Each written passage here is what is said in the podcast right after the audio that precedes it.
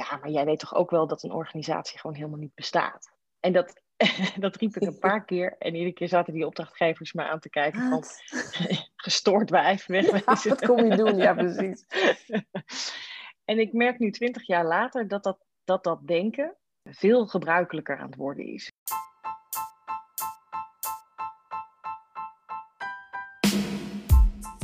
Welkom bij Getting Comfy With, de podcast waarin we in gesprek gaan met een professional, al dan niet uit de communicatiewereld, om te praten over onderwerpen die gelieerd zijn of te maken hebben met of invloed hebben op het mooie communicatievak. Conflicten. We gaan ze liever uit de weg. Niet Shirine Moerkerken, interventiekundige bij Strange en auteur van de boeken Hoe ik verander en conflicteren of conflicteren. En over dat laatste boek gaan we in gesprek. Waarom is conflicten hebben zo belangrijk? En wat levert het op? En wat is de rol van communicatie hierin? Je hoort het allemaal hier. Welkom, Shirine. Hi, leuk hier te zijn. Hoi, hoi. Ehm, we beginnen altijd met hoe drink je je koffie? Hoe drink je je koffie? uh, ik drink eigenlijk zelden koffie, behalve s morgens vroeg een cappuccino. Ja. Dus die, ik heb nu een cappuccino, maar meestal drink ik thee. Oké, oké. Dat is ook goed. Alles is goed wat dat betreft. Lekker warm. Hm. Interventiekunde, daar ben jij van. Maar wat is dat precies? Um, nou ja, ik ben uh, uh, ooit begonnen 23 jaar geleden als organisatieadviseur. En, en toen kwam ik er eigenlijk best wel veel tegen. Allemaal mensen die organisatieadviseur waren. Maar we deden wel hele verschillende dingen. Dus op een gegeven moment dacht ik, ik moet iets anders verzinnen. Ik moet een andere naam of een ander uh, iets waardoor mensen zich gaan afvragen, wat doet zij eigenlijk? um, dus in sommige omgevingen zeg ik dat ik veranderkundige ben. Uh, ja. En dan houd je je dus uh, bezig met veranderen van organisaties. Ja. Um, en in sommige omgevingen roep ik interventiekundige, omdat je uiteindelijk bij het ontwikkelen van organisaties interventies doet. Mm -hmm. um, maar uh, uh, uh, dat woord heb ik vooral gekozen omdat mensen zich dan altijd afvragen: wat zou dat eigenlijk zijn? En dan zit ik dus niet in een hokje vooraf. Mm -hmm. En dan kan ik dus alles doen wat nodig is. Dus het is een, een, een woord wat heel, behulpzaam zijn, wat heel behulpzaam is om niet in een hokje terecht te komen bij mijn advieswerk. Oké. Okay. En, en, want dan heb je het over interventies plegen, maar wat, wat, wat moet ik me daarbij voorstellen? Um, nou, ik, uh, als ik een organisatie inkom, uh, dan, uh, hè, dus ik word uitgenodigd door een, door een klant om ja, te komen helpen met een vraagstuk. Mm -hmm. En eigenlijk het eerste wat ik doe als ik binnenkom, is ik, ik begin te kijken en te luisteren naar wat voor taal er wordt gebruikt. dus vaak schrijf ik de eerste drie zinnen al op, omdat daar eigenlijk alles in zit uh, wat betekenis geeft. Hè? Dus, dus, dus hoe mensen met elkaar betekenis geven aan de, aan, aan de wereld om hen heen. Ja. En het leuke is dat de vraagstukken waar ze in vastlopen vaak geconstrueerd zijn in, uh, in, die, in die taal, in die betekenisgeving. Okay. Dus, dus eigenlijk hoor je in de eerste drie zinnen al hoe ze zichzelf in de weg zitten. En wat ik als interventiekundige dus doe, is daar gelijk op uit de pas lopen. Dus ik introduceer gelijk nieuwe taal. Ik doe, ik doe ook gelijk nieuwe dingen. Dus ook ja. in handelen. Ik kijk dus ook naar handelen en, en ik probeer daarin gelijk te variëren. En dan kijk ik weer hoe ze daarop reageren. Uh, en in wezen zijn die momenten hè, van, van uit de pas lopen, dat, dat zijn natuurlijk de interventies die je doet. Ja. Ja. En, en, en dat is dus wat mij betreft dat vak van interventiekunde. Oké. Okay. En, en, en zou je een voorbeeld kunnen geven van hoe dat er dan uitziet? Of wat het vraagstuk bijvoorbeeld kan zijn? Um, nou, bijvoorbeeld, uh, ik, ik adviseer nu bij uh, een aantal bestuurders in de gezinsveiligheidsketen. Mm -hmm. En die willen met elkaar, uh, hè, die zitten, dat zijn allemaal losse organisaties, die zitten allemaal bij dezelfde gezinnen binnen. Uh, en, en lopen elkaar vreselijk in de weg. En, uh, en, en hun vraag is dan: uh, Goh, wij willen wat gaan experimenteren met een andere manier van werken, Mhm. -huh. zodat we elkaar niet in de weg lopen, hè, dat we werkelijk samenwerken. Ehm, nou ja, dat doen we met, met medewerkers op de werkvloer, zeg maar. Maar wij als bestuurders hebben dat te faciliteren. En kun jij ons daarin helpen? Hè? We, we, we hebben een stevige begeleider nodig die zorgt dat wij ook consequenties verbinden aan wat we waarnemen in die praktijk. Ja, ja. Ja. Dus dat kan zo'n vraag zijn. Oké. Nou ja, en dan, en dan uh, bijvoorbeeld het eerste gesprek wat ik daar had, had ik dan met twee van die bestuurders van de zes. Ehm, nou, dan valt me bijvoorbeeld op dat nadat we elkaar hebben voorgesteld, uh, ze eigenlijk direct uh, over casuïstiek beginnen te praten. Hè? Dus dat ze gelijk mm-hmm. beginnen te vertellen over dat ene meisje wat ze succesvol uh, in huis hebben kunnen houden, niet uit huis hebben geplaatst. Ja, ja. en die geholpen is. Ehm, en en nou ja, dat valt dan dus op. Hè? Dus dan denk ik, oké, dus, dus blijkbaar is het hier zo dat je meteen naar de inhoud van dat werk toe moet. Ja. Um, nou, en, en wat, mag, wat wordt er dan dus uitgesloten? Hè? Waar gaat het dan dus niet over? Mm dat is er bijvoorbeeld één, maar ook er zitten dus twee van die zes bestuurders. Uh, dus ik vraag ook meteen waar de andere vier zijn. Ja. En waarom zij daar zitten en waarom niet de anderen. En dat is heel grappig. Uh, deze twee zeiden, oh, nou ja, we hebben de taken gewoon verdeeld. Ik zeg, oh ja, is dat echt okay. zo? Ja, ja, ja. ja. en dan blijkt dat dat natuurlijk niet zo is. Dan blijkt dat deze twee het ook het allerbelangrijkste vinden dat die bestuurders goed begeleid worden, omdat ze niet helemaal vertrouwen in hebben dat iedereen mm. evenveel consequenties zal verbinden. En dat zit dan weer gevarieerder. Bij de andere bestuurders zeiden bijvoorbeeld in het intakegesprek, nou, niemand is erop tegen dat we iemand daarvoor inhuren. Ja, ja, ja. dat is nogal iets anders dan Dat heel erg anders. voorstellen, zeg maar. Ja, precies. Dus- En dan? dus En wat doe je dan? Nou ja, dat verken ik met ze. Hè. Dus, dus, eh, en het leuke is dat, dat door dit soort vragen te stellen, eh, beginnen zij meteen na te denken. En beginnen zij ook zelf meteen te variëren op, hun, op de door hun geaccepteerde betekenis. Ja, ja, Dus, ja. Eh, hè, bijvoorbeeld, waarom zitten wij twee hier nu- nu? En wat betekent dat oh, in hoe we de andere vier gaan meekrijgen? Ehm, hè, daar hadden ze eerder nog niet over nagedacht, omdat ze er eigenlijk helemaal van uitgingen dat iedereen toch hetzelfde wilde. Dat, Mhm, ja, dat immers. is natuurlijk niet ja, zo. Ja, ja. Nou, en daar begint het al, want in wezen heb je daar dus een vorm van eh, stil conflict. Maar daar gaan we het zo over hebben. ja. Eh, want eh, het lijkt alsof iedereen het eens is, alleen Oh, Ja. ja. alle zes zijn het net even wat anders eens, zo- Ja, zou je ja. kunnen zeggen. Nou, dit is een mooi bruggetje naar jouw nieuwe boek. Hè, Ja. waarin je het juist wel ook over conflicten hebt en, het daar, en dat eigenlijk blootleggen. Eh, het heet conflicteren of conflicteren. Vertel, vertel daar eens over. Waarom die titel en, en wat kunnen we in jouw boek vinden? Eh, nou, het boek is eigenlijk een oproep om eh, meer repertoire te ontwikkelen om functioneel te conflicteren, of functioneel conflict te maken. Mhm. Wat ik merk in al die organisaties waarin ik in die 23 jaar ben geweest, dat, we, dat we echt weinig repertoire hebben. Dus wat, wat we meestal doen, is dat we het eens proberen te worden door te polderen, hè, eh, door compromissen te sluiten.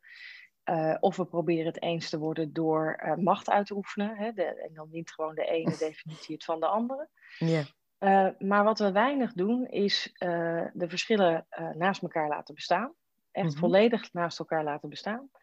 En, eh, en dan te kijken eh, waar je op uitkomt.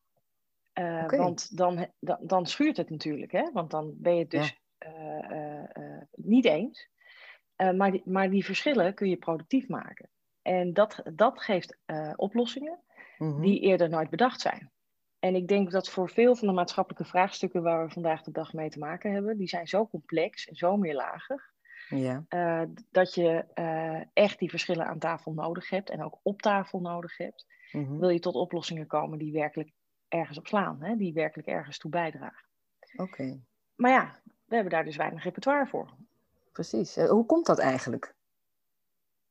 Ja, ik weet dat niet precies. Eh, eh, Joris Luijendijk heeft een inleiding geschreven voor, voor mijn boek, Ja. Conflicteren.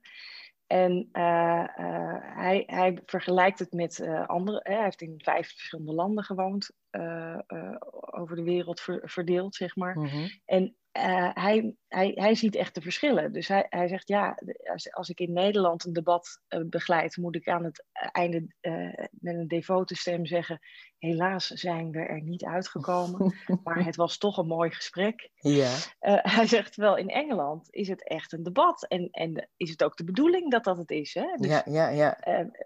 gelukkig zijn partijen er niet uitgekomen, want daar hebben we ze ook op uitgekozen, op dat Ja. verschil. Dus in Nederland, het lijkt heel een, een Nederlandse cultuur te zijn. Nou, hij schrijft in het voorwoord zoiets als: uh, misschien hebben we nooit die bloedige uh, oorlogen tussen de protestanten en de katholieken verwerkt.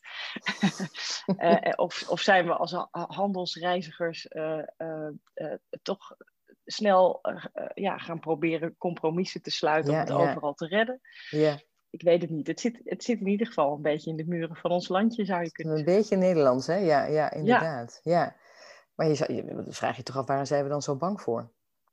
Wat denk jij? Ja, dat vraag ik me dus ook altijd af. Want ik merk dus uh, op het moment dat ik het op tafel leg, hè, bijvoorbeeld ook bij deze zes bestuurders waar ik het net over had, mm -hmm.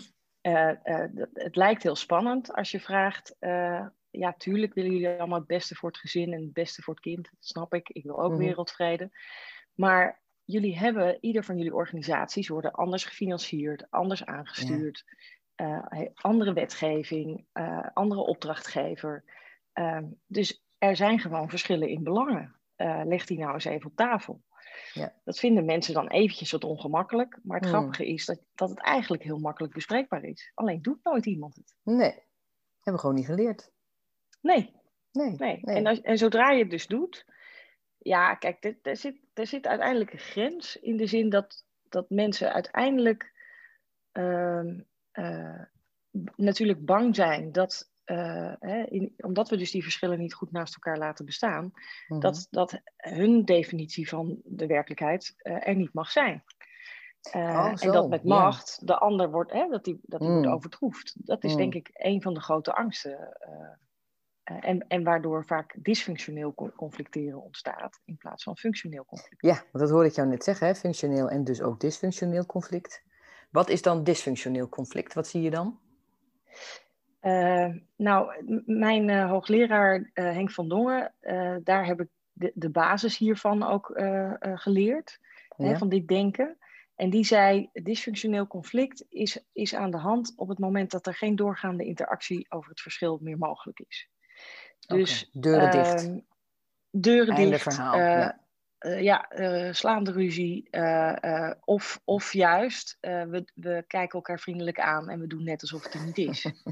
precies. Die laatste oh, sorry dat ik lach, maar dat ik niet. Ja, precies. Ja, die is zo herkenbaar. Mooi is dat ja. inderdaad, ja. Maar als je dat nou tegenover functioneel conflict maken zet.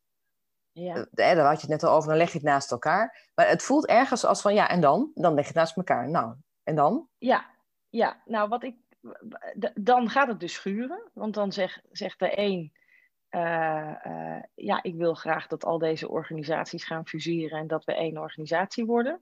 Mm-hmm. En de ander, ander, zegt, nee, ik wil graag dat het een netwerkorganisatie blijft. Hè? Ik roep maar ja. even wat. Ja.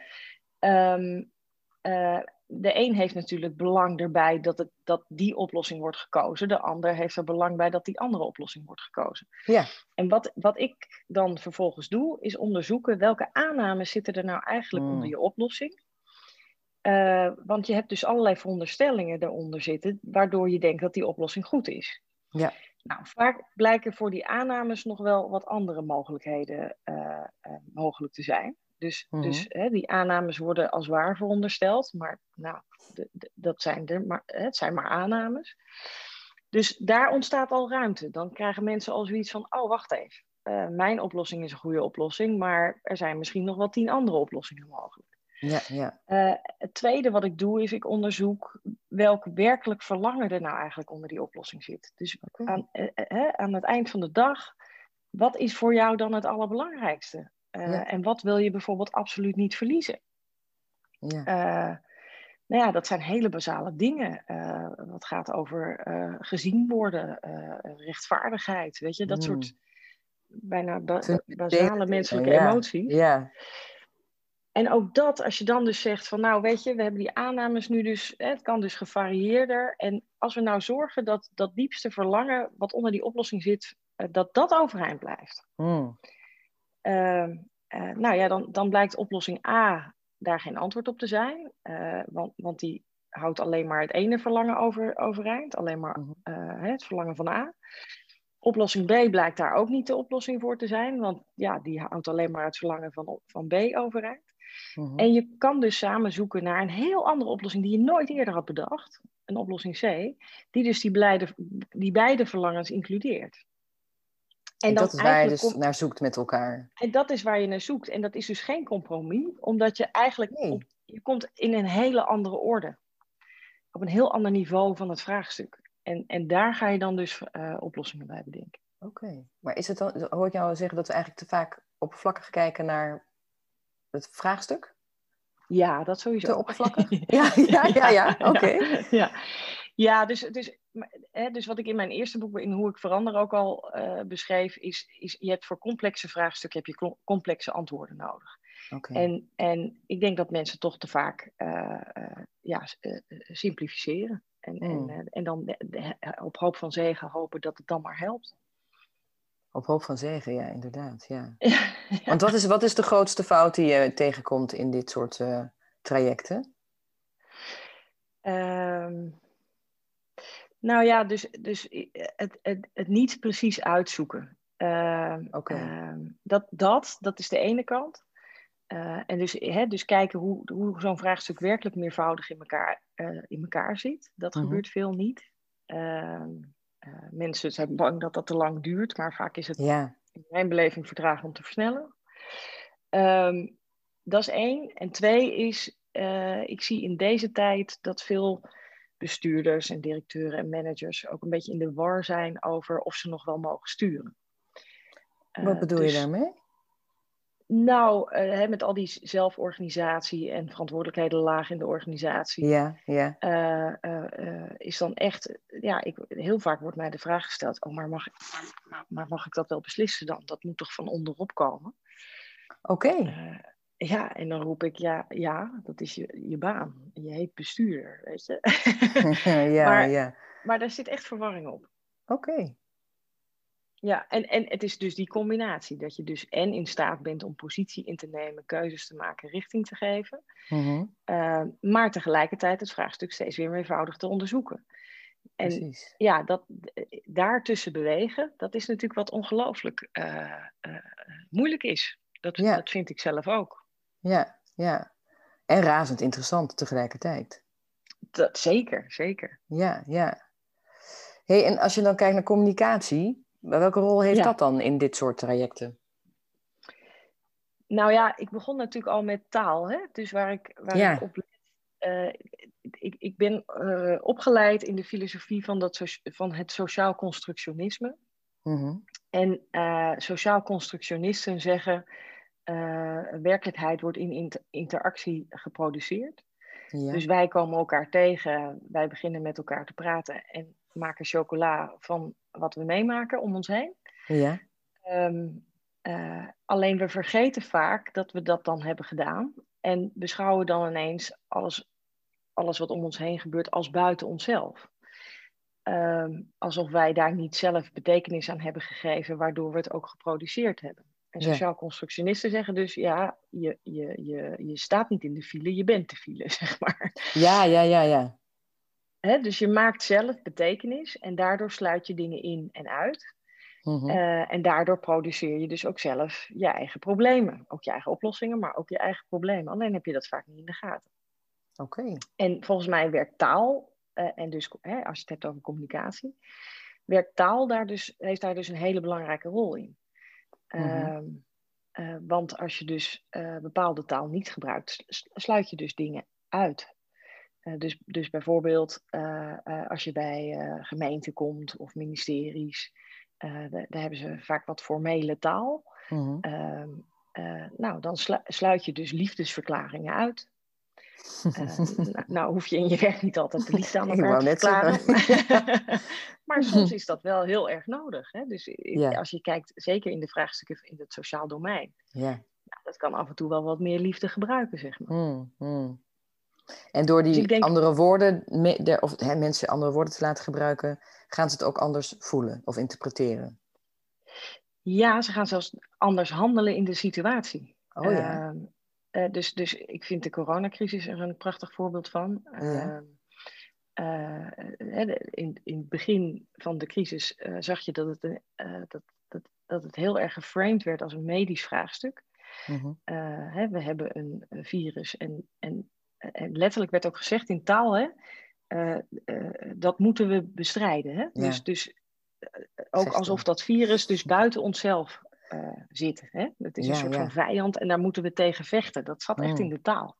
Of het zit nog in de taal trouwens. Ja. Ehm, en het grappige is dat als je dat dus maar zo met elkaar blijft uitspreken, dan uh, zul je niet meer de optie overwegen dat virussen gewoon altijd met ons meereizen en gewoon in mhm. onze lijven zitten.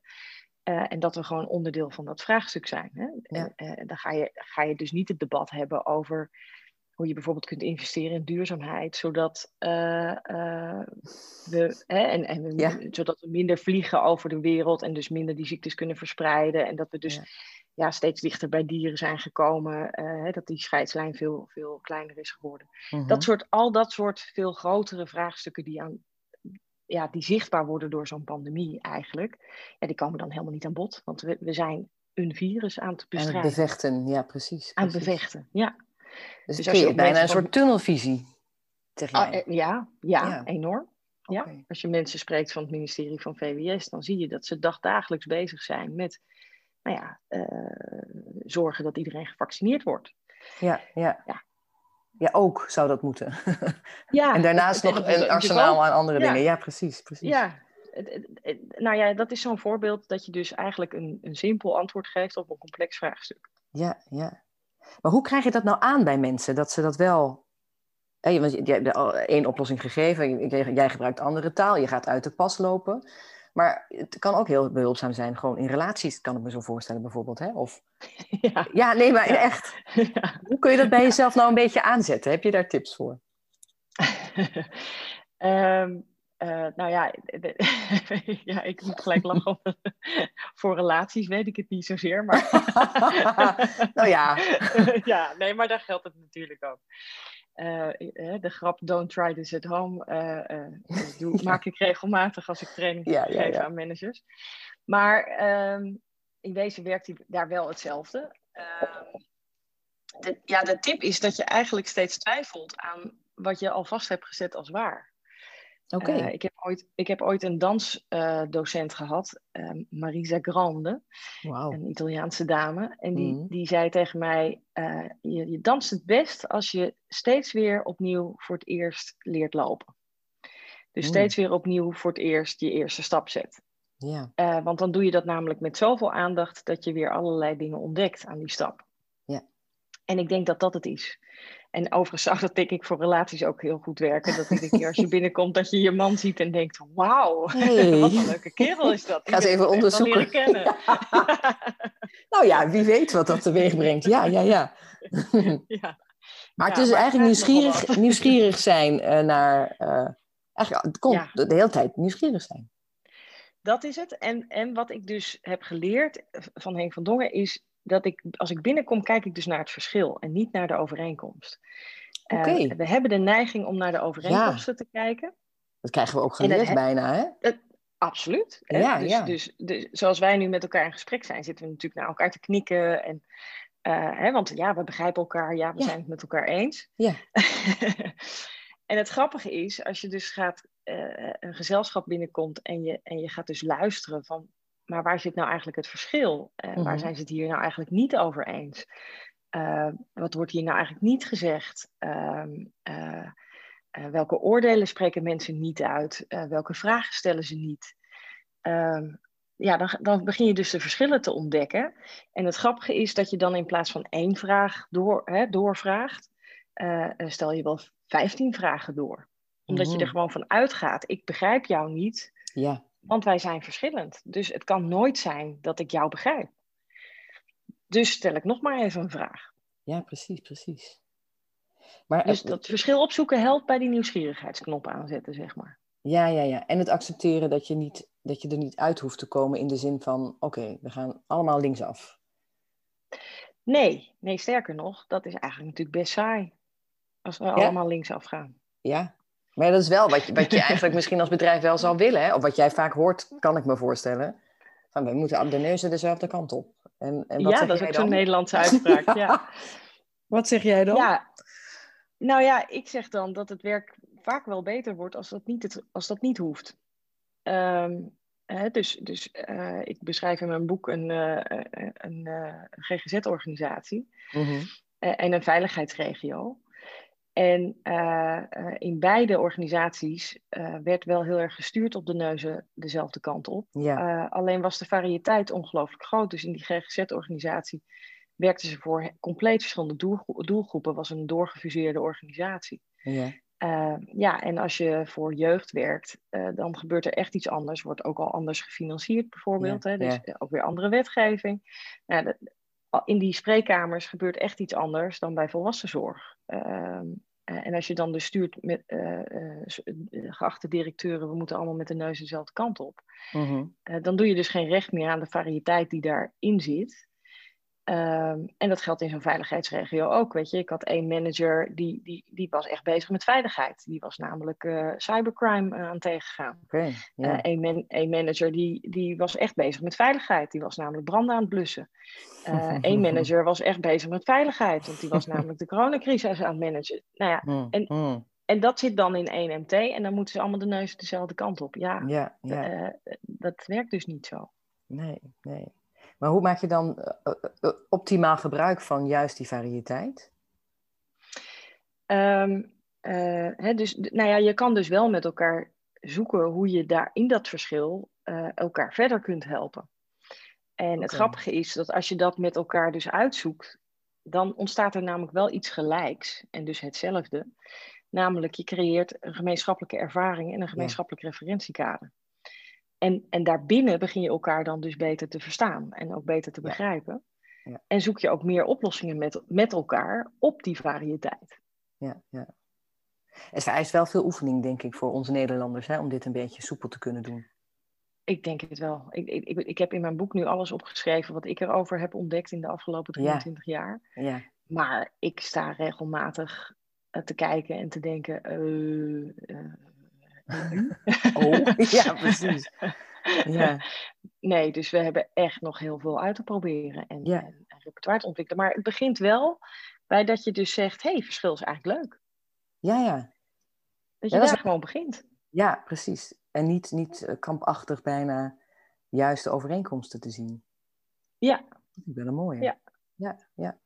En als jij iets zou moeten aanraden aan communicatieprofessionals op dit vlak om te lezen, bekijken of, of of luisteren voor mijn part. Hè? Anders dan jouw boek, uiteraard. Wat zou je dan, aanraden? Wat zou je dan aanraden?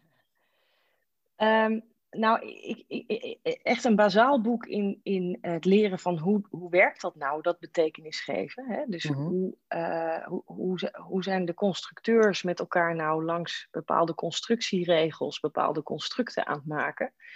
Dat is een boek wat al in 1979 is geschreven van Carl Weick. Mm The Psychology of Organizing. Ja, dat vind ik echt een basiswerk. Uh, heel lastig leesbaar. Uh, moet, je, moet, je, moet je ook echt met een groepje mensen lezen. En daar moet je ook echt gezamenlijk betekenis aan geven. Oké. Ehm, maar dat, ja, dus daarmee doet het boek al wat het beschrijft. Dus dat, mm dat vind ik er dan hartstikke leuk aan. maar vind ik wel echt een basiswerk. En mm een veel recenter werk, dat is uh, Denkadviseren van Edu Veldman. Ja. Uh, en die laat eigenlijk zien hoe je als, als, als communicatieadviseur of als, als organisatieadviseur, dat maakt eigenlijk niet zo uit, hoe je dus speelt met taal. dus hoe je, hoe je, dis, hè, hoe je discours, hè, dus de taal en taalgewoonte onderzoekt mm en bekijkt, maar ook hoe je ermee speelt ja, dus dat zou ik ook een absoluut aanrader vinden. Ja, ja. Goed. Goed om te weten. hey, en wanneer is jouw missie geslaagd? uh, ik, ik denk dat die geslaagd is. Uh, uh, als, nou, eigenlijk zou ik wel over twintig jaar hetzelfde willen, verschil willen zien als ik tussen twintig jaar geleden en nu zie.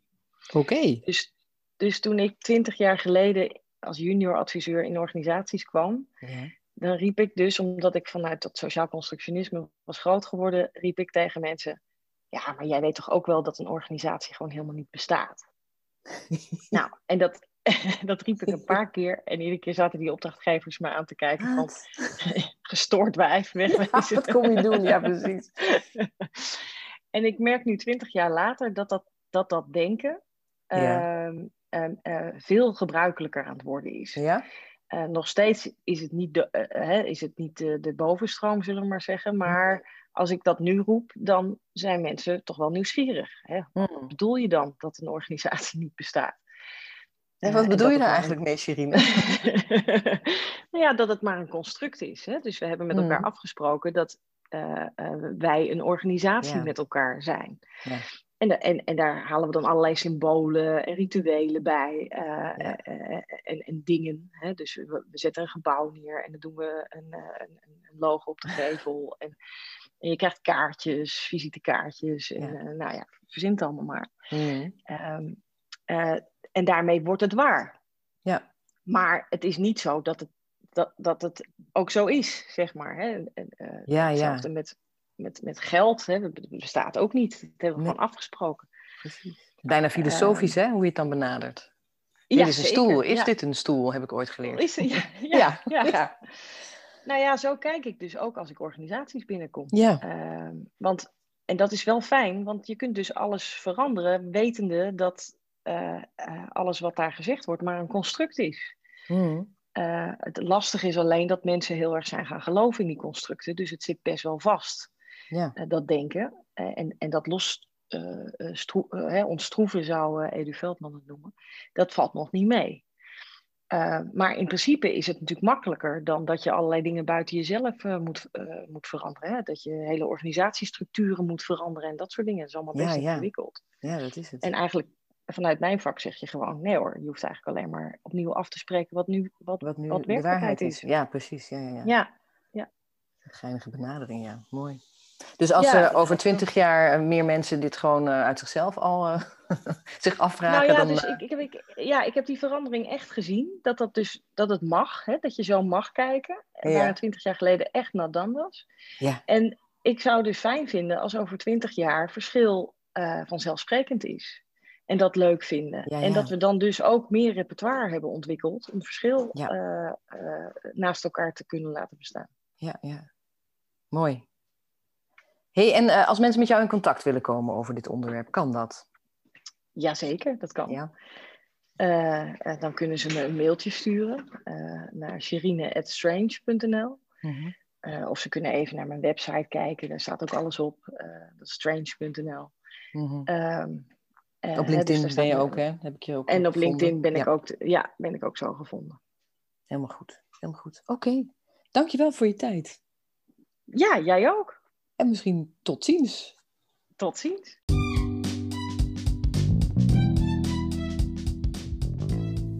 Dit was hem alweer. Dankjewel voor het luisteren. Wil je nou ook een keer een kop koffie drinken en doorpraten over ons mooie vak? Dat kan natuurlijk altijd. Kijk even in de show notes, daar staan mijn contactgegevens. En anders kun je kijken op futurecommunication.nl. En ken je of ben je nou iemand met een goed verhaal? Laat het me dan ook even weten. Graag tot de volgende!